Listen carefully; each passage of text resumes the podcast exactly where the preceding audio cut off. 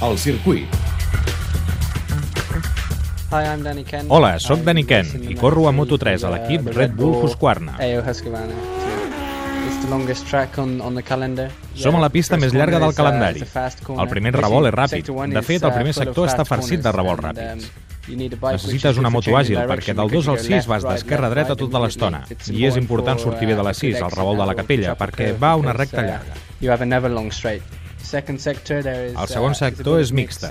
Comença amb un uh, revolt ràpid i segueix amb un dels més lents, el 8. The, the De fet, el one of 8 the és el pitjor revolt. track. Turn 8 is, uh, is the worst corner of the track. I think, uh, Crec que tots ho pensem.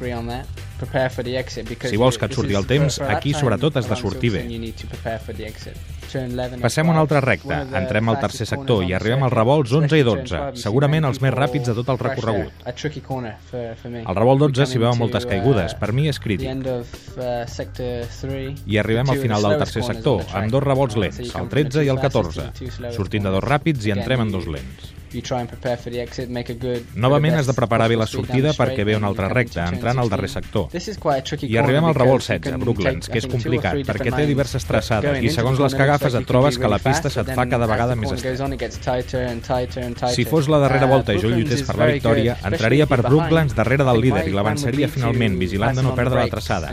I aleshores defensaria la posició als revolts 17 i uh, 18 turn fins a meta. 17, trying I aquesta és una volta a